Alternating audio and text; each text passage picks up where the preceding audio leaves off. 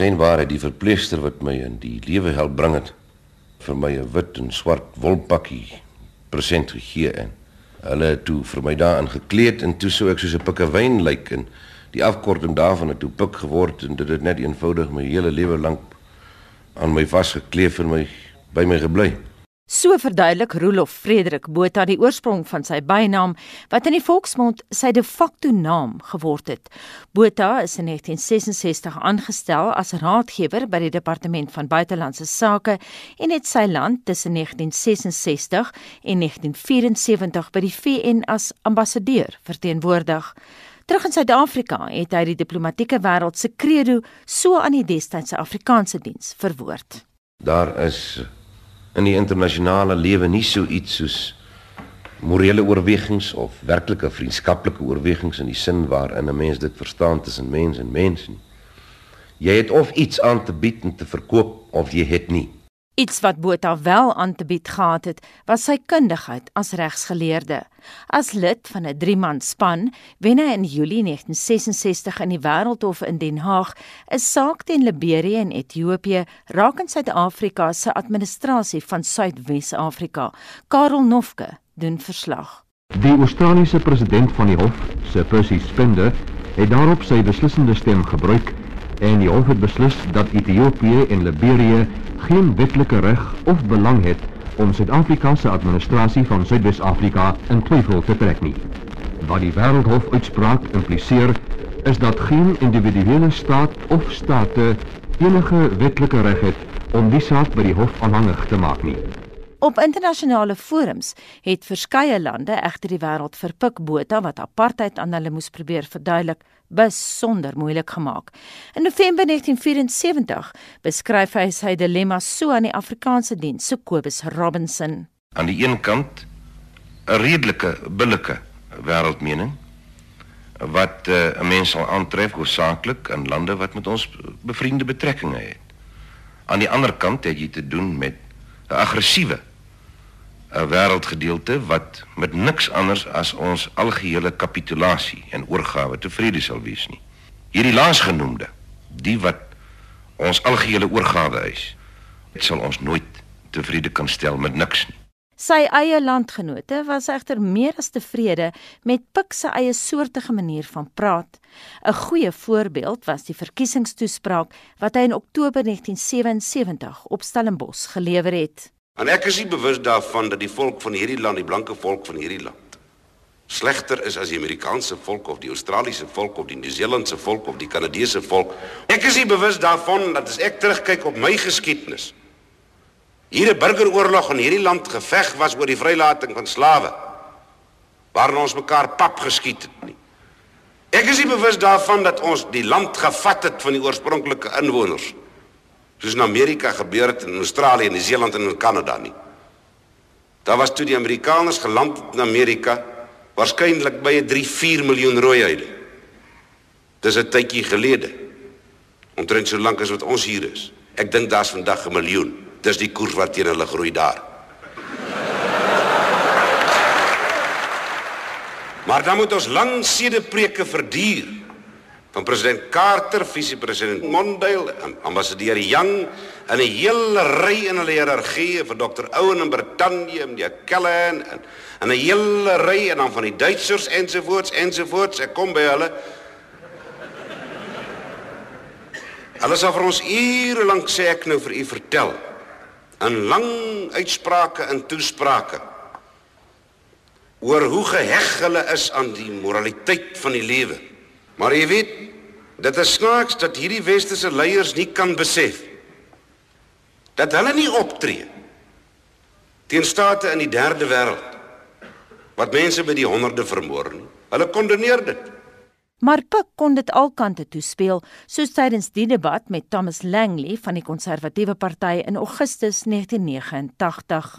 Gorbachev sal nie duld dat Amerika vir hom gaan sê hoe om in Georgia of in Azerbaijan of waar ook al op te tree nie. Mevrou Thatcher sal nie duld dat iemand vir haar van buite af voorskryf. Niemand op aarde gaan die buiteland stop om Suid-Afrika te probeer vernietig of te bemoei nie. Hulle steek hulle neus aan ons sake in of ons daarvan hou of nie. Ek het as ambassadeur in Amerika jare gelede gewaarsku hier kom sanksies. Toe ek 'n alarmis genoem. Ek wou gehad het ons moet betyds insien en onsself versterk en ons het. Wat vir my belangrik is, het ek die vermoë. Het ek die wapens, het ek die sterkte in my ekonomie, het ek die beleid wat vir hierdie land binnelands die kans gee nie net op oorlewing nie, maar om sy rol in Suider-Afrika so te speel dat die wêreld uiteindelik van ons nie net kennis moet neem nie, maar sal moet besef dit is die streeksmondheid.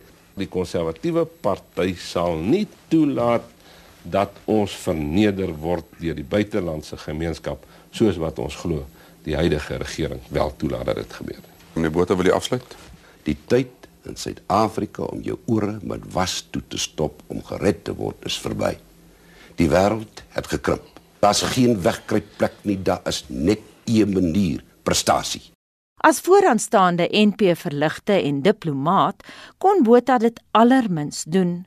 So het hy in Februarie 1978 konteks probeer gee aan kritiek tydens 'n onderhoud met CBS se Face the Nation. There's a new concept being introduced in international life apparently, and that is that the man that carries the gun is entitled to political power. This is the new concept that is being introduced. These are the facts all over southern Africa. And the West doesn't show a strong enough stand against this. But if those principles were accepted in Southwest Africa, and if the Western powers agreed, would your government be prepared to make progress toward those goals within South Africa? Look, look, South Africa is an independent state like the United States of America. There are a lot of matters in my country that needs revision and adaptation, and we're working on it, and we'll do it. Just as there are a lot of matters in the United States that need a lot of revision, in my opinion. We're independent states, and we ought to conduct our affairs bilaterally and multilaterally in a way that we do not offend each other, but rather encourage each other and mutually strengthen each other to bring about what we might consider injustices.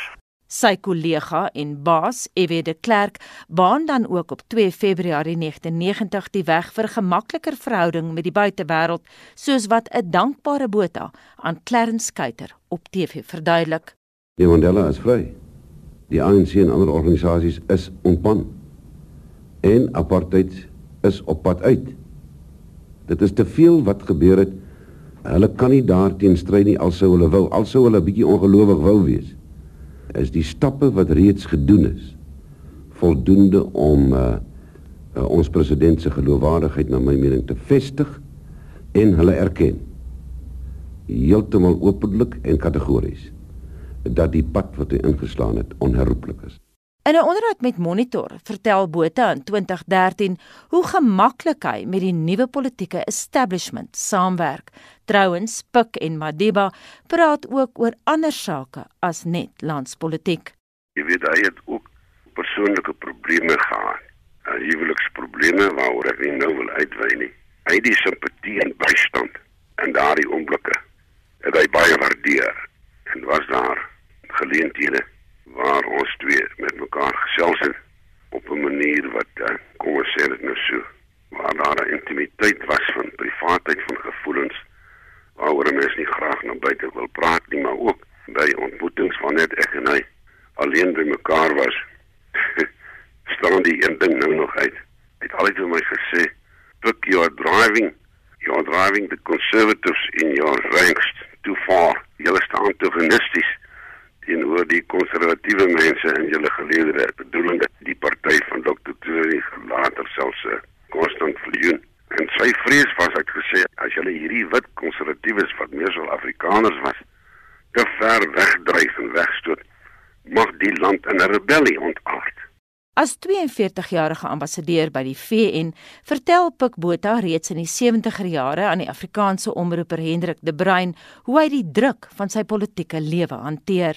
Jy kan in 5 minute so goed ontspan as in 2 tot 3 uur, afhangende van jouself en die geestelike dissipline wat jy in die dag lê. Ek kan hier onder 'n boom gaan lê vir 10 minute en volkome ontspan.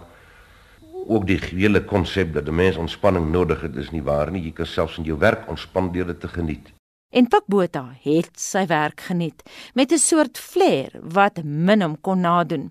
Sy dekade lange kollega en vriend, die oud ambassadeur Gert Grobler, onthou Pik op 'n keer in die Italiaanse hoofstad op sy eie soortige manier met 'n meesterlike toespraak respek ingewin het.